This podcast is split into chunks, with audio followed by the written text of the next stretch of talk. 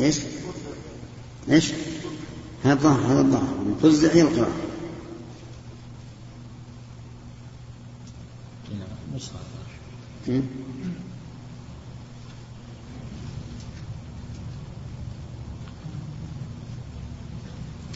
الظاهر ان انها فرق ما عندك ضبط لها؟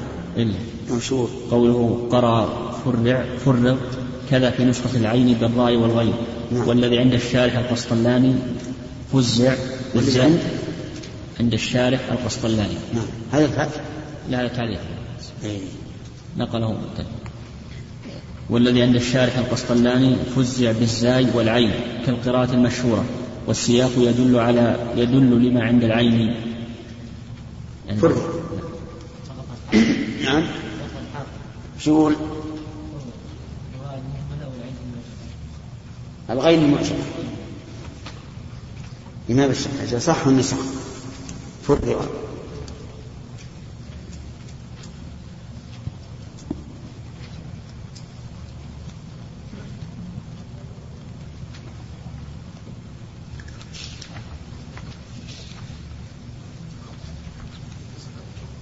لا لا. فرق. النسخة الثانية السياق ما يمنعها.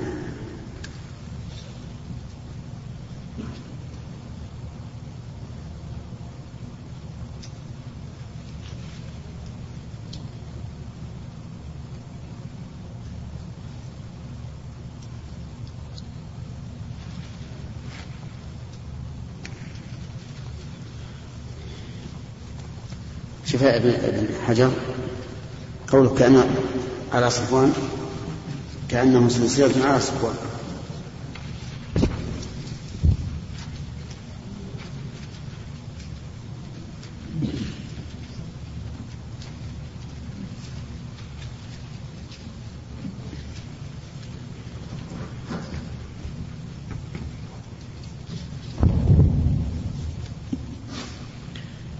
قوله وقال غيره صفوان ينفذهم.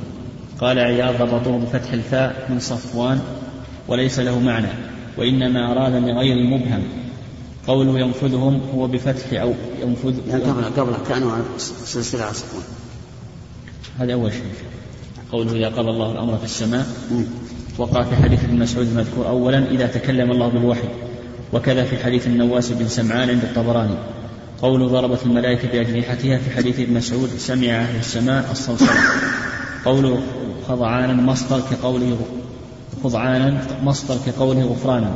قال الخطابي وقال غيره هو جمع خاضع قوله قال عليه هو المديني وقال غيره صفوان ينفذهم. قال عياض صفوان. قال عياض ضبطه بفتح الفاء من, صف من صفوان. وليس له معنى وإنما أراد بغير المبهم قوله ينفذهم هو بفتح أول وضم الفاء أي يعمهم قلت وكذا أخرجه ابن أبي حاتم عن محمد بن عبد الله بن زيد عن سفيان بن عيينة بهذا الزيادة ولكن لا يفسر به الغير المذكور لأن المراد به غير سفيان وذكر الكلمان بلفظ صفوان ينفذ فيهم ذلك ينفذ فيهم ذلك بزيادة لفظ الإنفاذ أي ينفذ الله أي ينفذ الله ذلك القول إلى الملائكة أو من النفوذ أي ينفذ ذلك إليهم أو عليهم. ثم قال ويحتمل أن يراد غير سفيان. قال إن صفوان بفتح الفاء فالاختلاف في الفتح والسكون وينفذهم غير مختص بالغير بل مشترك بين سفيان وغيره انتهى. وسياق علي في هذه الرواية يخالف هذا الاحتمال. لكن وقعت زيادة ينفذهم في الرواية التي ذكرتها وهي عند وهي عن سفيان. فيقوي ما قال. قوله وقال علي وحدثنا سفيان. من؟ من هو؟ بعد. دين نقرأ. تنبيه. في صفحة؟ في أي إيه. طيب.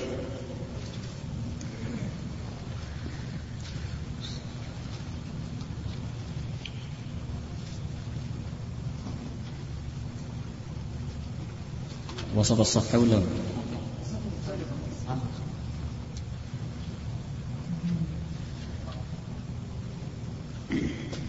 يقول تنبيه وقع في تفسير سورة الحجر بالسند المذكور هنا بعد قوله وهو العلي الكبير فسمعها مستلق السمع. هكذا إلى آخر ما ذكر من ذلك.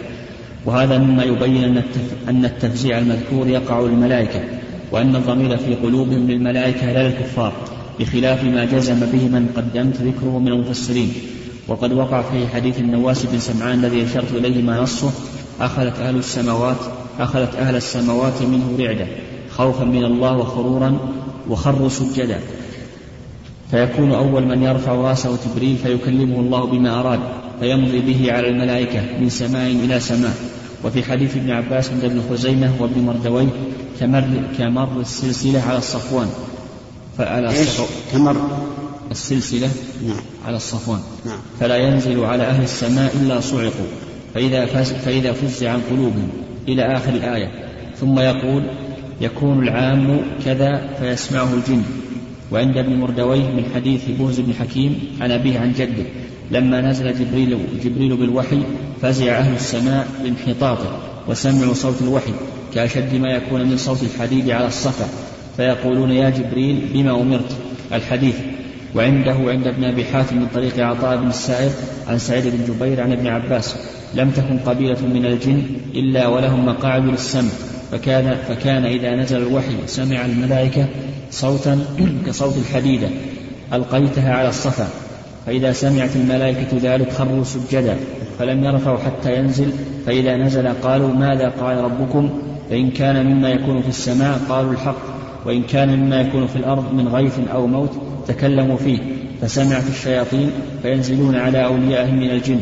وفي لفظ فيقولون من الإنس على أوليائهم من الإنس. وفي لفظ فيقولون يكون العام يكون العام كذا فيسمعه الجن فتحدثه الكهنة. يكون العام. يكون العام كذا فيسمعه الجن فتحدثه الكهنة. وفي لفظ ينزل ينزل الأمر إلى السماء الدنيا له وقعة كوقع السلسلة على الصخرة فيفزع له جميع أهل السماوات الحديث. فهذه, فهذه الأحاديث ظاهرة جدا في أن ذلك وقع في الدنيا بخلاف قول من ذكرنا من المفسرين الذين أقدموا على الجزم بأن الضمير الكفار وأن ذلك يقع يوم القيامة مخالفين لما صح من الحديث النبوي من أجل خفاء معنى الغاية في قوله حتى إذا فزع عن قلوبهم. وفي الحديث إثبات الشفاعة.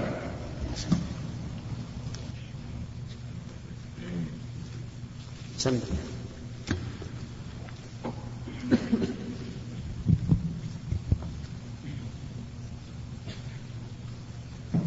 بسم الله الرحمن الرحيم.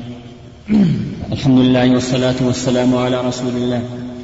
قال البخاري رحمه الله تعالى في باب قوله تعالى ولا تنفع الشفاعة عنده إلا لمن أذن له. حدثنا يحيى بن بكير قال حدثنا الليث عن عقيل عن ابن شهاب قال أخبرني أبو سلمة بن عبد الرحمن عن أبي هريرة رضي الله تعالى عنه أنه كان يقول قال رسول الله صلى الله عليه وسلم ما أذن الله لشيء ما أذن للنبي صلى الله عليه وسلم يتغنى بالقرآن. وقال صاحب له يريد أن يجهر به. الشاهد من هذا قوله ما أذن الله لشيء ما أذن للنبي. ومعنى هذا الإذن الاستماع. الاستماع للشيء. يعني ما استمع الله لشيء كاستماعه لنبي حسن, حسن الصوت في رواية أخرى. يتغنى بالقرآن يعني يجهر به. وهذا دليل على أن الله سبحانه وتعالى يستمع إلى من يقرأ القرآن.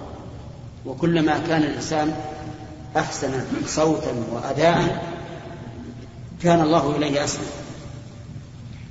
وظاهر كلام وظاهر السياق البخاري رحمه الله أن أنه يرى أن المراد بالإذن الإذن الكوني يعني أنه عز وجل يأمر هذا النبي فيتغنى بالقرآن لأنه ساق في ساقه في الأحاديث التي يتحدث فيها عن الكلام. في الشرح.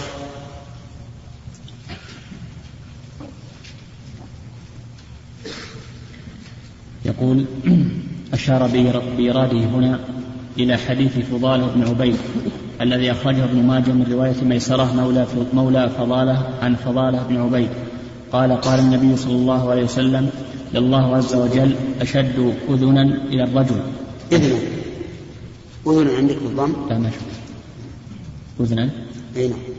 أشد أذنا إلى الرجل الحسن الصوت. الحسن الصوت بالقرآن من صاحب القينة إلى قينته. وذكر البخاري في خلق أفعال العباد عن ميسرة وقوله وقوله أذنا أو أذنا بفتح الهمزة. أذنا. بفتح الهمزة والمعجمة أي استماعا. أذنا. أي نعم. نعم. بس انتهى. لكن شرح الحديث. تقدم الحديث في فضائل القرآن. ويحتمل أن البخاري رحمه الله ساقه في هذا الباب لقوله يتغنى بالقرآن. والقرآن سبق أنه كلام الله عز وجل. وهذا أقرب لأن لأن المعنى الذي أشرنا إليه أولا بعيد أن يكون من الإذن الذي هو الأمر. نعم. سليم.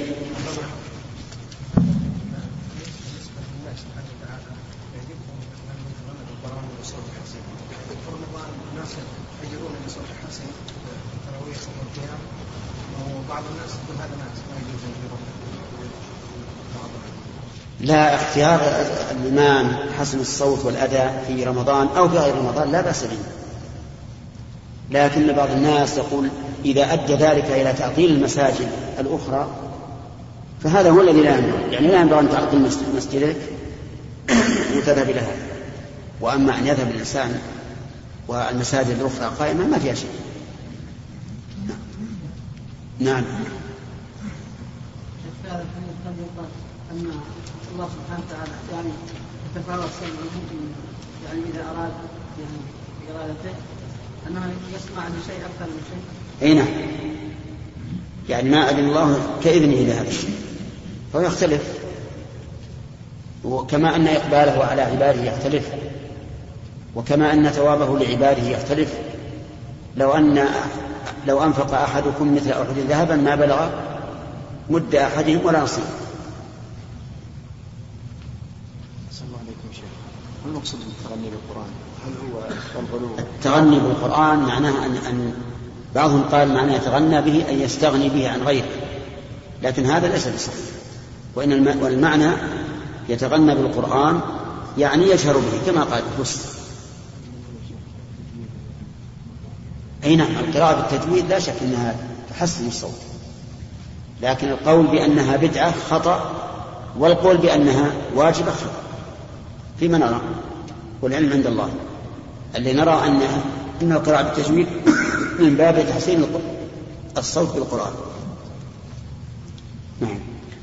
حدثنا عمر بن حفص بن غياث قال حدثنا أبي قال حدثنا الأعمش قال حدثنا أبو صالح عن أبي سعيد الخدري رضي الله تعالى عنه قال قال النبي صلى الله عليه وسلم يقول الله يا آدم فيقول لبيك وسعديك فينادي بصوت إن الله يأمرك أن تخرج من ذريتك بعثا إلى النار. نعم. الشاهد قوله فينادى بصوت فينادي بصوت إن الله يأمرك أن تخرج من ذريتك بعثا إلى النار. وقد روي فينادى بصوت إن الله يأمرك.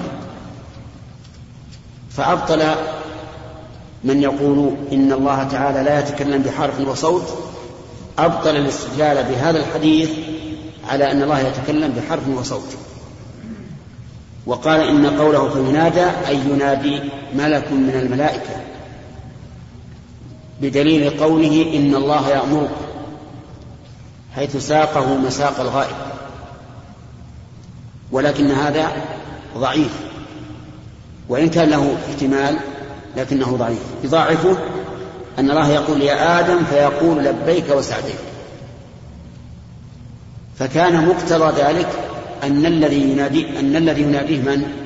الله لأنه الذي قال له أولا يا آدم. فكيف يقول يا آدم؟ فإذا قال لبيك وسعديك وكل ملكا يكلمه. هذا بعيد من السياق. وإنما الذي ناداه هو الله عز وجل. بدليل الرواية الأخرى فينادي بصوت. إن الله يأمر. وأما إقامة الظاهر مقام المضمر إني آمرك يعني قال إن الله بدل إني آمرك. فيقال إن إقامة الظاهر مقام المضمر هنا إشارة إلى قوة سلطان الله عز وجل. ودليل ذلك أنه قرن بالأمر. إن الله يأمر. وهذا كما يقول الملك في الدنيا إني إن الملك يأمرك أن تفعل كذا وكذا أو إن أمير المؤمنين يأمرك أن تفعل كذا وكذا وهو يعني نفسه. فهذا من باب التعظيم. والالتفات للتعظيم في اللغة العربية أسلوب متبع ومعروف. وفي قوله ينادي بصوت تأكيد لقوله ينادي لأن المنادات لا تكون إلا بصوت. وهو كقوله تعالى وكلم الله موسى تكليما. فإن تكليما هذه جاءت للتوكيد ولهذا تسمى عند النحويين مصدرا إيش؟ مؤكدا. نعم. وفي هذا إثبات أن الله تعالى يتكلم بصوت وهو كذلك. ولهذا يخاطب موسى ويكلمه ويخاطب النبي صلى الله عليه وسلم ويكلمه ليلة المعراج. فهم يسمعون صوته ويردون عليه. شراكة شيخ بارك الله فيكم. أول هذا الحديث مخيف بالنسبة للإنسان ولكن بعض الناس عندما يسمع آخرة إنه يطمئن. في الآخرة ورد فيه أن يأجوج ومأجوج 999 واحد من من غيرهم. يطمئن بعضهم فيقول كفينا. كيف يرد عليه؟ وكيف هو أولا يسأل آدم يسأل الله. يقول يا ربي وما بعث النار فيقول من كل ألف تسعمائة وتسعة وتسعون وواحد في الجنة فعظم ذلك على الصحابة رضي الله عنهم وقالوا أين ذلك الواحد؟ فقال أبشروا إنكم في أمتين ما كانتا في شيء لكثرتاه يأجوج يأجوج ومأجوج. ثم قال لهم إني لأرجو أن تكونوا ربع أهل الجنة ثلث أهل الجنة شطر أهل الجنة.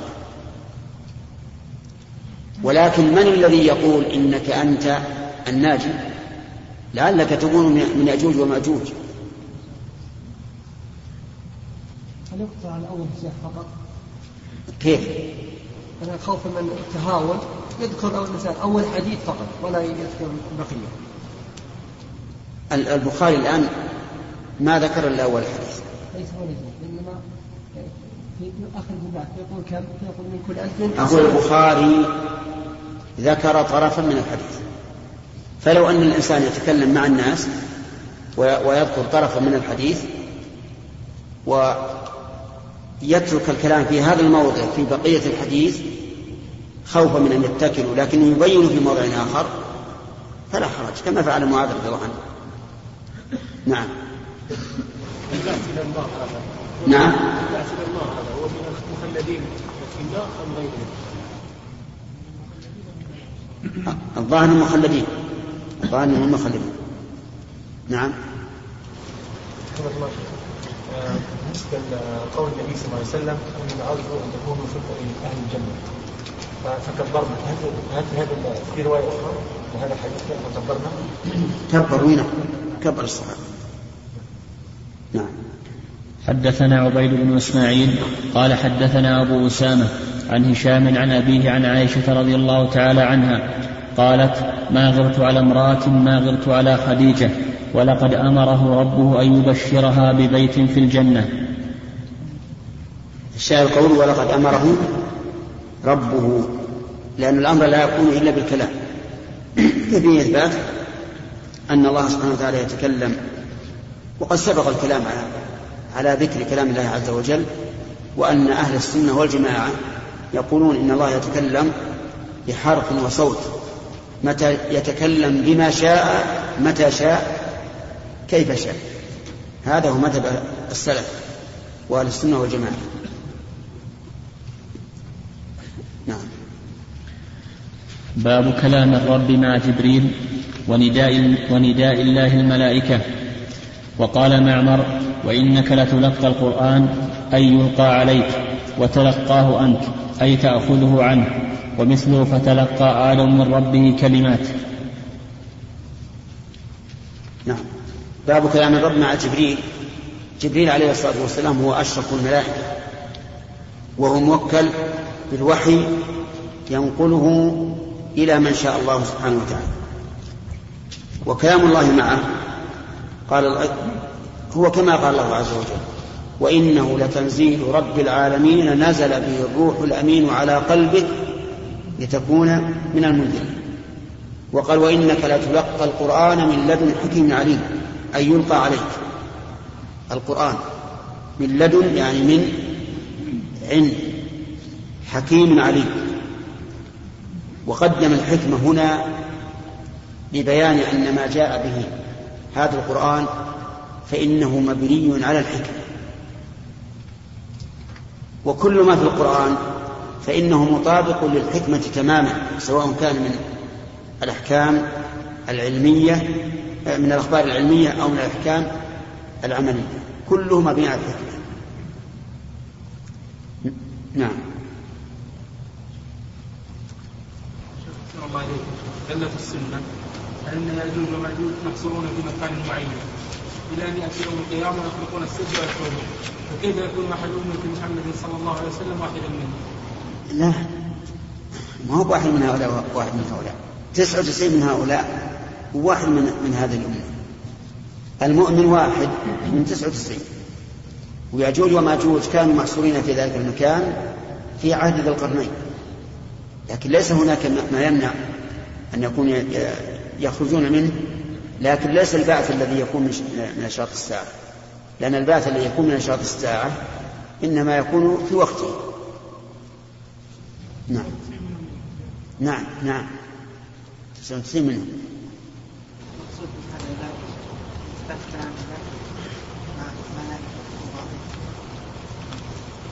اي نعم.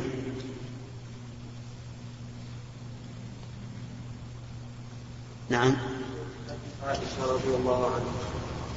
هل يؤخذ منه فضل خديجة على عائشة؟ لا. ما يؤخذ منه فضل خديجة على عائشة.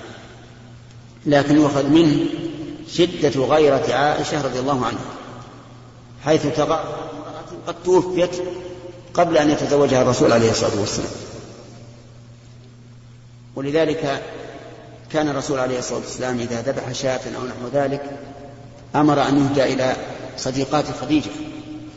فقالت له عائشة رضي الله عنها يوما من, الأيام فقال إنها كانت وكانت وكان لي منها ولد. لكن تعرف غيرة النساء ولا سيما عائشة رضي الله عنها لشدة محبتها للرسول عليه الصلاة والسلام كانت تغار منه غيرة شديدة. حتى يعني لو لو أردنا أن نتكلم لكن ليس هذا موضوع الكلام. أشياء غريبة. تقول كيف تصدر منها هذه الأفعال من أجل الغيرة لكن من شدة محبتها للرسول عليه الصلاة والسلام تريد أن لا يكون لأحد سواه أما أيهما أفضل فالصحيح ما قال شيخ الإسلام رحمه الله. قال لكل واحدة منهما مزية. وأما في الرتبة عند الله فإن أزواج الرسول عليه الصلاة والسلام كلهن معه في الجنة. المزية لعائشة ما حصل منها رضي الله عنها في آخر حياة الرسول عليه الصلاة والسلام من العناية بالرسول عليه الصلاة والسلام وتلقي العلم عنه ونشر هذا العلم الكثير الواسع حتى كانت رضي الله عنها من أكثر الصحابة أحاديث. وأما خديجة فحصل منها في أول الرسالة ما لم يحصل من عائشة ولا غيرها فلكل واحدة منهما مزية.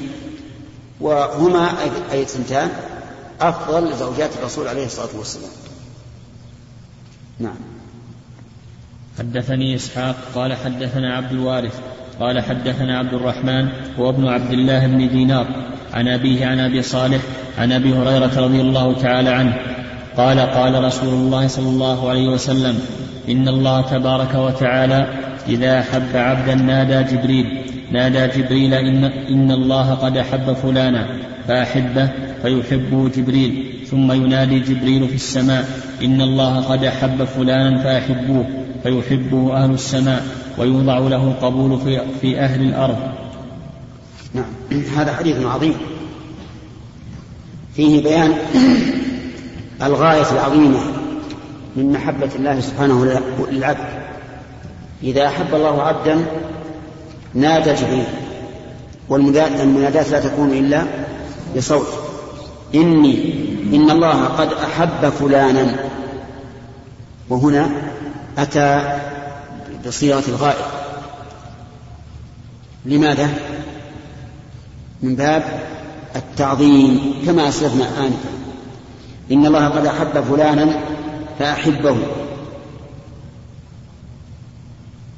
فيحبه جبريل.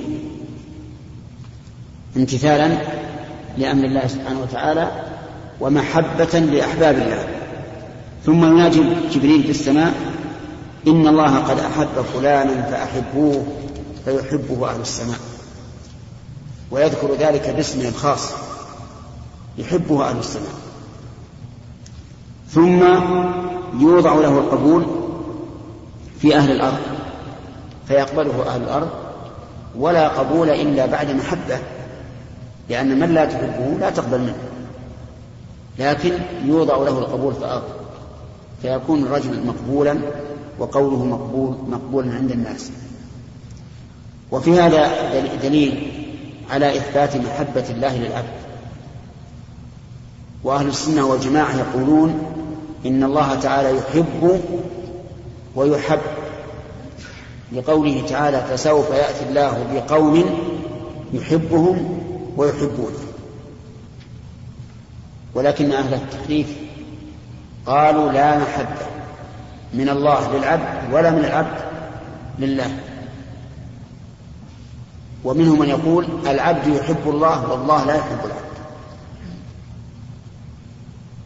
وحرفوا الآيات الكثيرة في المحبة إلى أن المراد بها الثواب.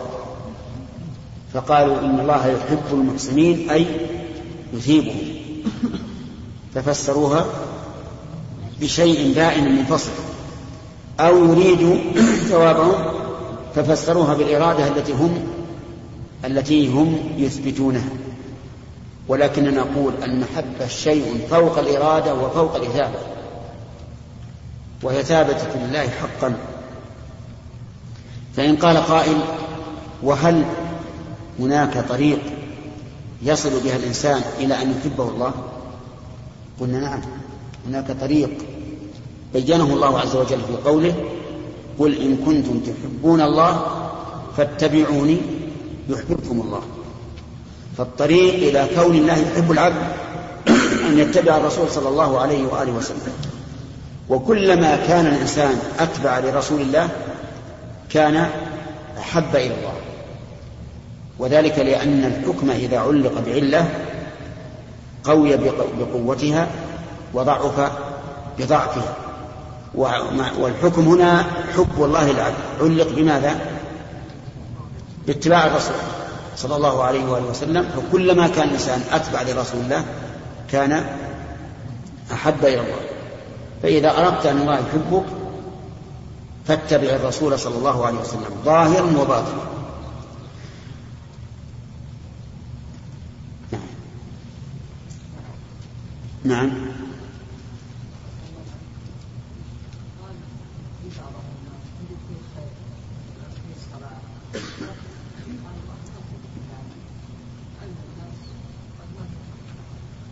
إيه.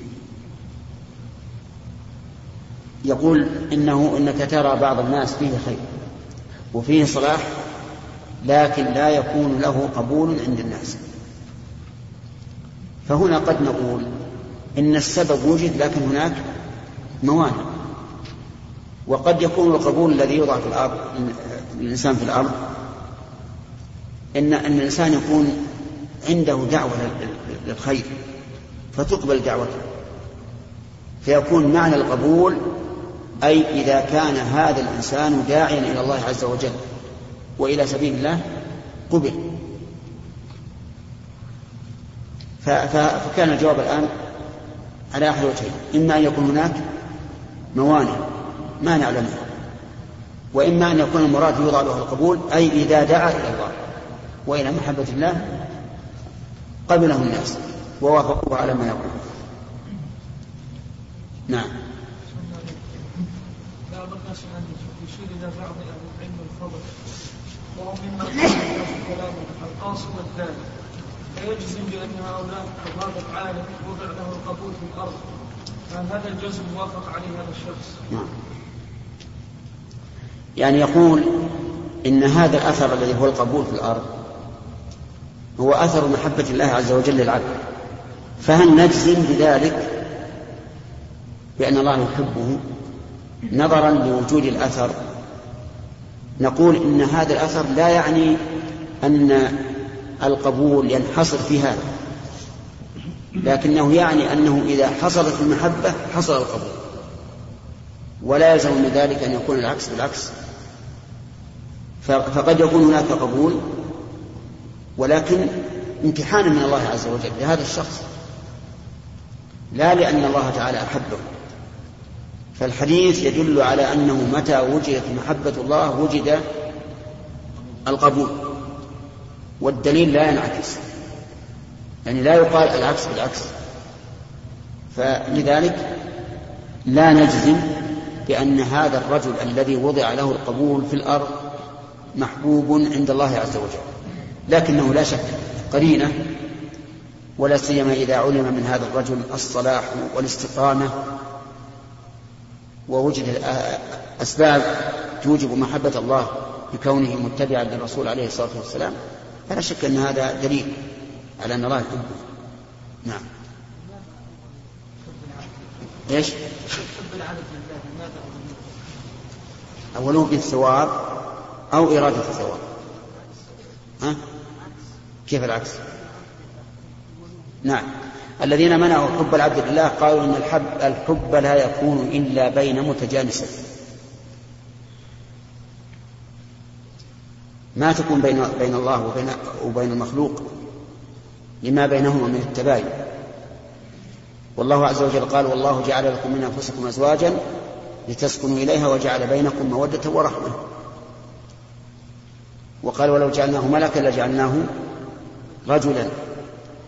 ولكنه سبق الكلام على هذه الصفة وبينا أن هذا قول باطل وأن المحبة تكون بين المتجانسين وبين غيرهما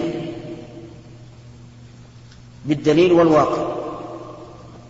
أما الدليل فقد قال النبي صلى الله عليه وآله وسلم إن في أحد إنه يحبنا ونحبه وهو جبل. وقال وأما الواقع فإن الإنسان بلا شك يحب بعض أمواله أكثر من بعض. يحب بعض مواشيه أكثر من بعض.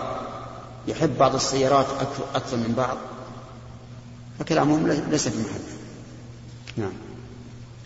حدثنا قتيبة بن سعيد عن مالك عن أبي الزناد عن الأعرج عن أبي هريرة رضي الله تعالى عنه أن رسول الله صلى الله عليه وسلم قال يتعاقبون فيكم ملائكة بالليل وملائكة بالنهار ويجتمعون في صلاة العصر في صلاة العصر وصلاة الفجر. ثم يعرج الذين باتوا فيكم فيسألهم وهو أعلم. كيف تركتم عبادي؟ فيقولون تركناهم وهم يصلون وأتيناهم وهم يصلون. هذا الحديث سبق الكلام عليه في باب العلوم وأتى به هنا في باب الكلام. إشارة إلى أن الله تعالى يكلم الملائكة. وسبق الكلام على الإشكال النحو في أوله وهو يتعاقبون فيكم ملائكة. وبينا جواب أهل النحو عليه. وأن بعضهم قال إن هذه لغة معروفة عند العرب ويسمونها لغة أكلوني البراغيث.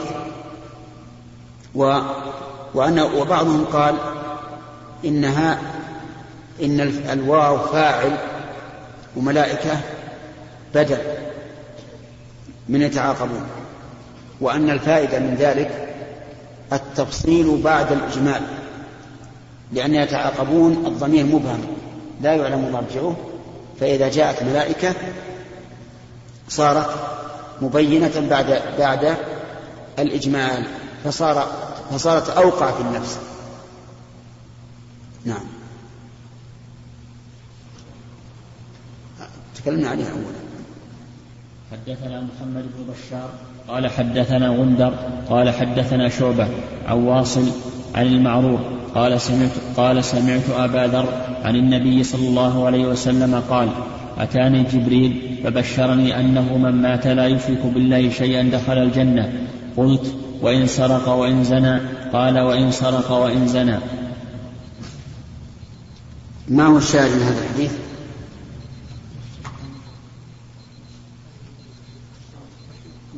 جبريل بشر الرسول. نعم. إيه. البشارة هذه لا تقع من جبريل من نفسه. لا بد أن الله أخبره بذلك. فبشر جبريل النبي صلى الله عليه وآله وسلم. وقول من مات لا يشرك بالله شيئا دخل الجنة. استدل به من قال إن تارك الصلاة لا يكفر. وقال إن تارك الصلاة ليس بكافر ليس بمشرك في فيدخل الجنة. ولكننا نجيب عن هذا بأحد جوابين. الجواب الأول أن لا نسلم أن تارك الصلاة ليس بمشرك. لأن النبي صلى الله عليه وسلم قال بين الرجل وبين الشرك والكفر ترك الصلاة. والثاني أننا سلمنا أن ترك الصلاة ليس بشرك ولكن هذا عام وحديث و و وأدلة كفر تارك الصلاة خاصة. والقاعدة أن العام يحمل على الخاص فيكون الخاص خارجا من العموم. نعم.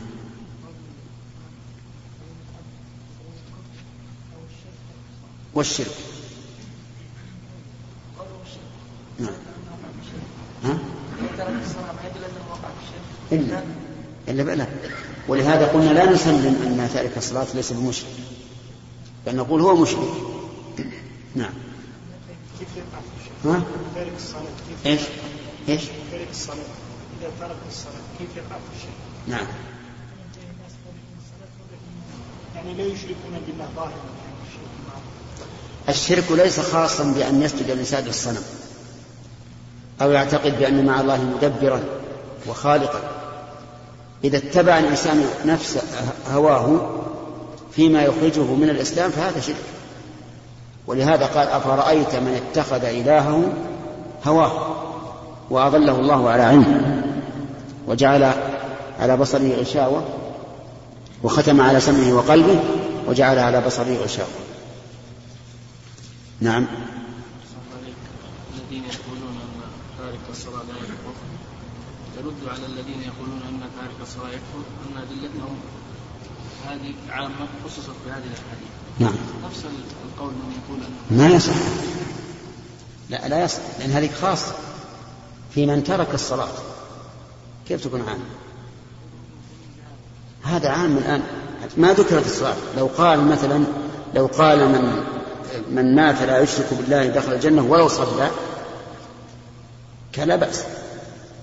ما في أدنى هذه عامة في الصلاة وغيرها. لكن أحاديث الصلاة خاصة. حتى وليس بينهما عموم وخصوص وجهي. حتى نقول لا بد من من من دليل يؤيد أحد العمومين. هذا هذا عام وخاص نعم يا عبد الوهاب. عليك يا شيخ. في هذا الحديث يا شيخ قلت وإن سرق وإن زنى وقبل ذلك قال من مات لا يشرك بالله شيئا دخل الجنة. وقلنا يا شيخ في كتاب التوحيد والآن أيضا ان ان ارتكاب المعاصي شيء شيء من الشرك. أي نعم. لكنه ليس من الشرك الأكبر. وشرك أصغر لأن طاعة ال- النفس في معصية الله نوع من الشرك. طيب إذا قال دخل الجنة وإن, وإن سرق وزن هل يعاقب على زناه وسرقته؟ الجواب نعم إذا لم يقم عليه الحد. إن أقيم عليه الحد فهو كفار. وإن لم يقم عليه الحد فإنه يعاقب ومع ذلك هو تحت المشيئة. لو شاء الله غفر له. نعم.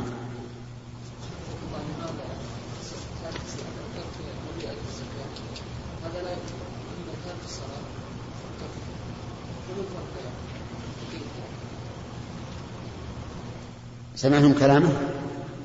يقول لماذا نكفر تارك الصلاة ولا نكفر تارك الزكاة؟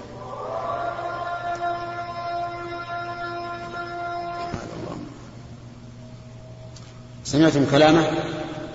قال لماذا نكفر تارك الصلاة ولا نكفر مانع الزكاة؟ الجواب استمع سعد قال الإمام أحمد في إحدى الروايات عنه كل أركان الإسلام الخمسة من تركها فهو كافر. وعلى هذه الرواية يكون تارك الزكاة كافرا وتارك الصيام كافرا وتارك الحج كافرا. لأن الإسلام بني على هذه الأسس فإذا فات واحد من هذه الأسس انهدم الإسلام. ولكن الصحيح أنه لا يكفر إلا بترك الصلاة فقط كما قال عبد الله بن شقيق. ويدل على أن تارك الزكاة لا يكفر أو على أن مانع الزكاة لا يكفر. قول النبي صلى الله عليه وآله وسلم في صاحب الفضة الذي لا يؤدي زكاته فيحمى عليها في نار جهنم قال ثم يرى سبيله إما إلى الجنة وإما إلى النار. وهذا يدل على أنه ليس بكافر لأنه لو كان كافرا لم يكن له سبيل إلى الجنة.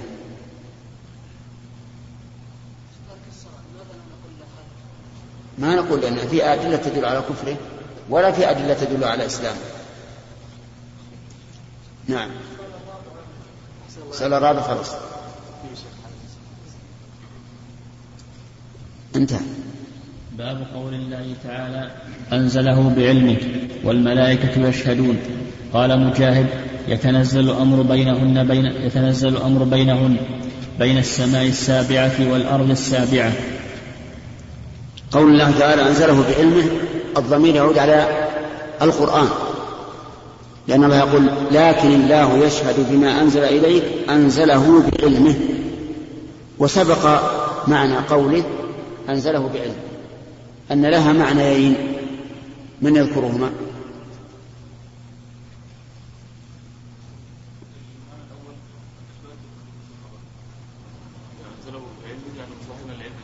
نعم. يعني كان أنزله عن علم منه. طيب. المعنى الثالث أن العلم هنا هو بالمعلوم. بمعنى المعلوم. أنزله معلومات نعم. صحيح. أما قوله والملائكة يشهدون يعني يشهدون أن الله أنزل هذا القرآن بعلمه. وقال, وقال مجاهد يتنزل الأمر بينهن بين السماء السابعة والأرض السابعة يشير إلى قوله تعالى الله الذي خلق سبع سماوات ومن الأرض مثلهن. يتنزل الأمر بينهن. الأمر أمر من؟ أمر الله. بينهن يعني بين السماء السابعة والأرض السابعة. يتنزل أمر الله. والسماوات سبع طباق. والأرضون كذلك سبع طباق. هذا هو الصحيح الأراضين. أنها سبع طباق. لقوله ومن الأرض مثلهن ولقول النبي صلى الله عليه وآله وسلم من اقتطع من الأرض شبرا طوقه يوم القيامة من سبع أراضين نعم. طيب. فوق بعضهم في فوق بعضهم في الأرض السفلى الأرض السفلى تحت. تحت. تحت. ولهذا يقولون إن الأرض السفلى هذه لو خرج منها أصغر عنق من مما فيها من النار أحرق الدنيا كلها. نعم. إيش؟ موجود في الاحاديث ان السفلى عند النار يعني عرضها وطولها وقعرها بعيد. أي نعم. والكرة الأرضية كلها سويه لكن متى يكون بعيد؟ نعم. أي نعم. من أين رمي به؟ من بعيد. نعم. حدثنا مسدد قال حدثنا أبو الأحوص. نعم.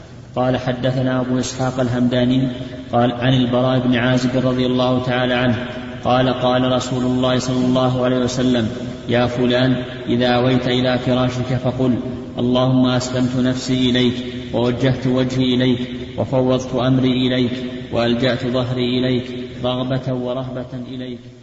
أيها الإخوة في ختام هذه المادة نسأل الله أن نلقاكم في لقاءات متجددة. مع تحيات مؤسسة الاستقامة الإسلامية للإنتاج والتوزيع في عنيزة. شارع هلالة رقم الهاتف والناسخة الهاتفية صفر ستة ثلاثة ستة أربعة ثمانية ثمانية ثمانية صفر والرقم الثاني صفر ستة ثلاثة ستة أربعة خمسة ثمانية ثمانية صفر. ورقم صندوق البريد اثنان وخمسمائة وألف.